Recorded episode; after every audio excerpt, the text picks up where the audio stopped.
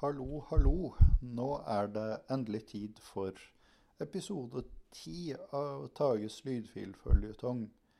Og det har eh, dessverre tatt litt lang tid, fordi at jeg rett og slett har gapa over litt for store prosjekter som jeg ikke helt har klart å gjennomføre.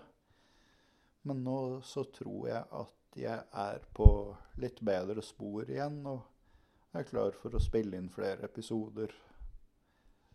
Så sånn er det. Og i denne, denne episoden her så tenker jeg å gå gjennom en så en gjeninnspilling av en tidligere episoder, i hvert fall det, en innspilling av deler av den tidligere episoden som kom fra tida da Tages lydfilføljetong var på helt andre plattformer enn den er nå. Det var en ganske populær episode, så jeg håper at den faller i smak nå også. Og kanskje at den har litt bedre lydkvalitet. Før, den, før, uh, før, at jeg kommer så langt, så kan jeg jo dele noen gode nyheter. For det har seg sånn at uh, jeg har fått et leseeksemplar av en bok i posten som uh, forfatterne da vil at jeg skal anmelde på denne podkasten her. Eh, det er, det er, faktisk ikke en Scooby-Doo-bok, sjøl om det var det som sikkert folk kunne venta seg, men nei. Eh, jeg kan jo røpe det at eh, jeg er godt i gang med boka, og den virker jo lovende så langt. Det dreier seg faktisk om en krimbok skrevet av to forfattere. Så det blir spennende, og jeg gleder meg til å jobbe mer med det. Nå, eh, denne teksten som jeg har lyst til å spille inn på nytt igjen, den eh, heter for 'Butikken'. Jeg går på butikken, som det heter, velvitende om hva mat er. Ikke for å skryte, veit hva mat er. Vil bare ikke forklare hva det er for noe her og nå. En annen gang kanskje. Veit ikke. Problemet mitt er ikke at jeg ikke veit hva mat er. Kryssa det fra lista. Problemet mitt er at jeg ikke veit hva jeg skal velge. Det står ikke at tomatene på denne hylla er vonde og disse gode.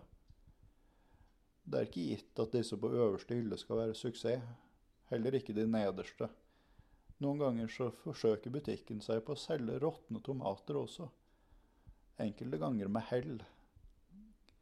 Føler meg ikke videre oppegående når jeg har valgt ut de blåste av de blå tomatene. Men det er den stressende atmosfæren som gjerne bidrar den retningen. Med alt annet på butikken er situasjonen lignende.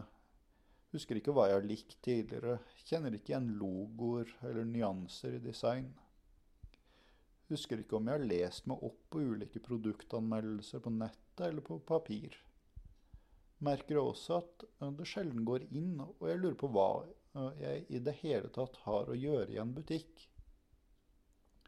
Det fremstår nå like effektivt som AA-batterier plassert gal vei i en fjernkontroll. Ingenting starter, in ingenting verken funker eller flyter sømløst. Bare veien, sånn som meg. Helt unødvendig. Bruke for lang tid. Skal ikke tenke, ikke spørre om hjelp. For det lønner seg nok ikke å ha ansatte i butikker som kan hjelpe folk som lurer på ting. Det er bedre at folk tar sjanser, velger feil. Ja, stort sett feil, helst det. Slik at de må tilbake oftere enn all fornuft skulle tilsi. Sånn var det, og siden sist så har det jo åpna en ny butikk i mitt, nærmest i mitt nabolag. Men den uh, kan jo Den kan jo egentlig tilføre en hel del nye sånne lite, lite forbedra ting som kunne vært med i den teksten. Men uh, sånn er nå det. Som nevnt så kommer neste episode til å dreier seg om en bokanmeldelse. Og Jeg regner jo med at denne episoden er eh, klar om eh, en sånn ti dagers tid. Så gjenstår det å si tusen takk for at du og dere hører på lydfilføljetongen min. Det, det er jo topp for at det skal være noe vits å holde den i gang. Så da må dere ha det fint så lenge.